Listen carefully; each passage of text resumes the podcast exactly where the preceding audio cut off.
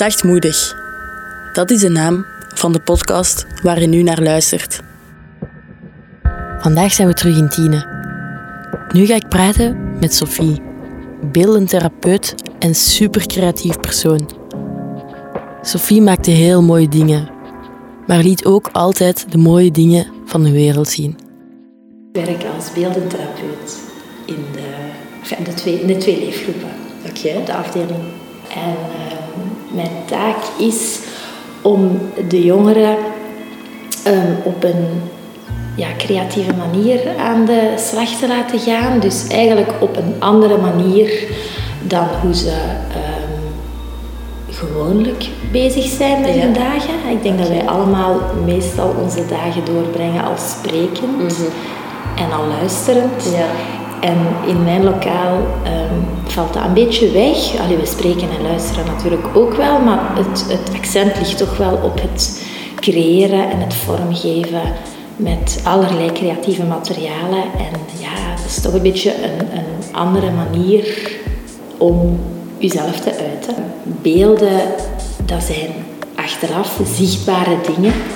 En iedereen kan daar dan naar kijken en toch iets over denken. En, en misschien heb je daar dan toch dingen in getoond die, Die je niet wou of, of die je zo meteen niet wilt delen, want die Ja. toch te fel zijn. Dus dat is dan wel niet altijd zo evident, want dat, dat, hè, dat staat er gewoon, dat is er, die beelden. Ehm, maar we proberen toch wel, ehm, of dat is toch in alle geval een, een ambitie van mij, om toch wel naar die beelden te kijken. Ja. En om, zeker om de jongeren ook eens te laten kijken naar wat dat, eh, hij of zij gemaakt heeft, wat dat, dat beeld in hem oproept, wat dat er eventueel eh, herkenning van zichzelf, van eigen thema's, van, van een eigen verhaal. Van, want Wel dat super interessant. Super interessant, want die dingen gebeuren ook vaak onbewust. Weet je, als je creëert, je kunt wel een plan hebben van ah, ik ga dat maken, maar mensen die creëren, ik vermoed jij Ja, ook. Ja, dan, dan, dan ontdekt je ook wel dat gaandeweg dat je plan toch andere vormen krijgt en dat je dingen verlaat en dat er ineens dingen zich, Wijzigen. zich wijzigen en, en dat je nieuwe keuzes maakt en dat je ook niet altijd weet waarom dat je die keuzes maakt. Dat dat een beetje... ehm, ja, dat gebeurt een beetje spontaan of zo. Ja, ja. En dat is dan eigenlijk wel interessant om achteraf daar wat afstand van te kunnen nemen van die beelden en dan toch eens te kijken van wat, wat zit daar nu eigenlijk van mij in of wat valt mij op, wat, wat vind ik herkenbaar. Eh, en natuurlijk wat wij ook wel vaak meekomen, eh, meemaken is dat jongeren eh, op ontslag gaan, maar dat die terugkomen. Sommige jongeren hebben Dat heb ik ook gedaan. twee, drie, vier opnames. Ah, echt? Vier? vier? Dat is misschien wel uitzonderlijk, maar dat kan. En dat is ook oké. Dat En is- kijken jullie dat dan anders naar? Wel, ik ben blij dat je dat vraagt. Ja, ik wou je dat echt af. Want ik, Nee. je weet, bij mij, als ik Ja. er een tweede keer kwam, Ja. ik schaamde me dood. Ah, nee. Ik voelde Nee. mij... Ja, ik, ik was echt zo van, oh nee, en ik ben gefaald en ik Ah, durfde ja. hier bijna niet Nee. terugkomen. Nee, zo kijken wij daar niet naar. Nee. Eh, eigenlijk bekijk ik ons werk als een zaadje dat we planten. En zoals je in je tuin heel veel zaadjes plant, zijn er sommige zaadjes die meteen pakken en kiemen en Ja. vertrokken zijn. Maar er zijn ook heel veel zaadjes die, die Ja, nog niet direct en die nog eens een, nog een tweede keer. Of nog, en dan zeg je, allee, dan, dat, dat is gewoon, dat is gewoon, dat, dat aanvaard je, dat is gewoon zo. Daar, daar, daar, eh, dat is deel van, van het, het zijn of het bestaan Het leven. van het leven. Dus ook, eh, we kijken ook naar heropnames als ah, niet van ah, terug van nul beginnen. Dat is voor ons niet van ah, nu moeten we helemaal terug van nul beginnen of gefaald of weet ik veel. Dat is eigenlijk, ah ja, we, zijn, we hebben daar dan mee gedaan, we zijn zo geëindigd. En dan proberen we die draad van daaruit terug, Terug op te pakken. En, en ehm, ja, van daaruit verder te zien van waar zijn je opnieuw op gebotst. Ja, en het is ook, denk ik dan, alleen nu kijk ik daar natuurlijk anders naar dan toen als ik zelf in die kwetsbaarheid zat. Maar ik denk ook wel heel sterk dat jongeren toch durven blijven die hulp vragen. In plaats van op te geven of te zeggen van ik wil geen hulp meer. Dus eigenlijk is het wel een sterkte dat je blijft proberen. Ook al Ja. is het vijf keer of meer en luisteren. Ehm, misschien is het goed om te weten dat het nu heel moeilijk kan aanvoelen, maar dat die moeilijkheden of het gevoel daarvan, de impact daarvan ook wel andere proporties kan aannemen. Net zoals weer verandert of zo. Ja. Ook al lijkt dat echt niet, ook al lijkt, denk ik dat je echt kunt vastzitten in een gevoel van dit is voor altijd, eh, is het toch echt goed om te beseffen dat het niet, voor altijd, hoeft te zijn. Want dat is echt dat gevoel, hè. Deze is altijd en ja. het wordt nooit beter. Ja. Heel zwart-wit. Ehm, ik denk ook dat het goed is om te weten dat ook al denk je, ik heb echt geen andere keuze, dat je weet, er is toch wel echt altijd wel een andere keuze. Meer dan één, vele keuzes. Maar daarvoor moet je natuurlijk ook wat afstand kunnen Ja, nemen van, de, van de zaken. Hè. Ik denk ook dat het helpend is om te weten, want dat is ook een beetje, denk ik, misschien aan social media. Het lijkt soms zo dat heel de wereld rondom u het gemaakt heeft en gelukkig is en het goed heeft. Dat is ook een beeld. Dat is ook een beeld. Ik denk echt iedereen. Iedereen heeft zijn rugzakje. Ja. Sommige kleiner, sommige groter. Maar dat is iets wat we als mens met z'n allen delen. Dat iedereen met dat rugzakje door het leven moet. Ehm, ook al zie je dat ja, echt niet langs buiten. Of denk je nee, het ben toch echt alleen maar ik dat het niet kan. Of zwak is of weet ik veel. Of kwetsbaar is.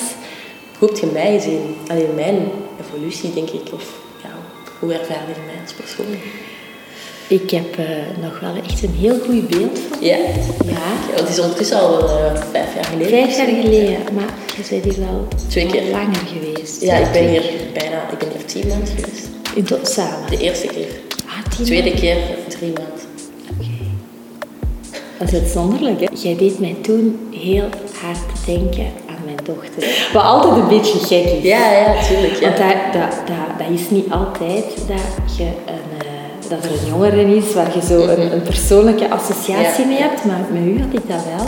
Lange bruine haren Ja. en bruine ogen. En zij hield van skaten. En Ja. zij was zo wel een beetje nee, nu van dat prinsessen en meisjes. En zij stoer en hè. Ik, ik snap de link.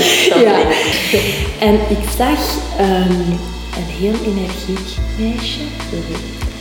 En ook wel, ik vond dat jij, ook al had jij moeilijk, had jij wel een open gezicht, ik. Ja. Ik, ja, ik, was, ik was wel altijd vrij aanwezig ook en vrij actief. Dus ik denk dat dat ook wel maakt dat die ook... Allee, Ja.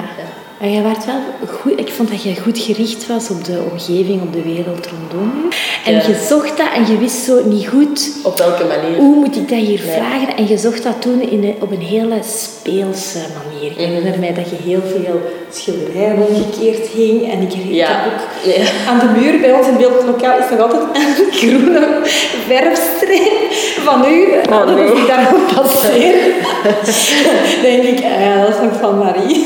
Oh, zo, dus je liet wel je sporen achter Ja, zo. ik wou, ik wou denk ik gezien worden. Ehm, Ja. Ik kon heel moeilijk met mijn emoties om. Ik kon dat heel moeilijk delen. Ik wist Ja. dat ik wel slecht in mijn vel zat, maar ik wou zo heel vrolijk overkomen. Ik, wou, ik was ook wel vrolijk, het was niet altijd gefaked of zo. Mhm, Ehm, En ik denk, de manier van hulp vragen was zo van, zie mij, kijk naar mij en ja, druk doen, aandacht zoeken. inderdaad. En zie me En- graag, denk ik ook. Hè.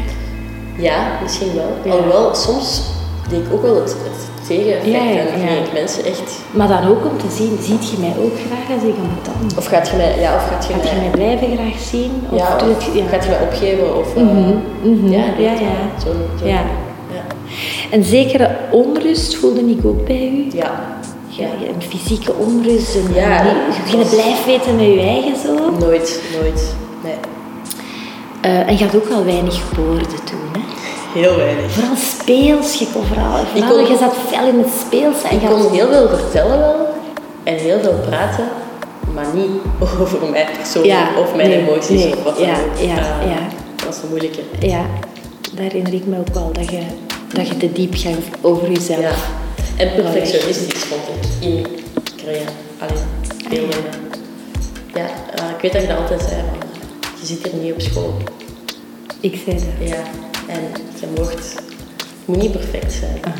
Overal komt wel iets uit, maar ik wou, het gaat een bepaalde tijd om aan iets te werken. Hè. En ik vond dat verschrikkelijk. Want ik kon dat niet afwerken of ik kon het niet doen hoe ik het in mijn hoofd had qua dagen. Ik mocht dat ook niet meepakken naar mijn kamer om verder te werken. En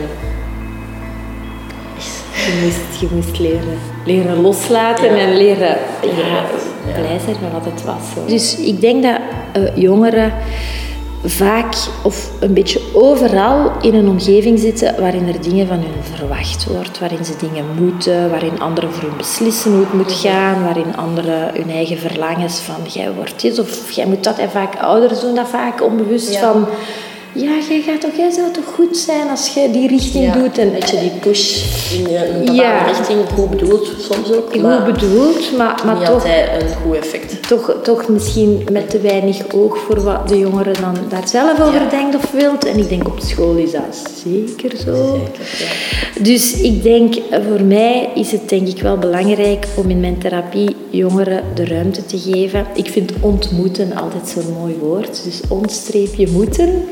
Dus je ontmoet ze, er is ruimte, maar ze moeten eigenlijk niks. En dat klopt ook helemaal, want in de sessies met Sophie moest ook helemaal niets. We mochten doen wat goed voelde en dat was het belangrijkste. Merci Sophie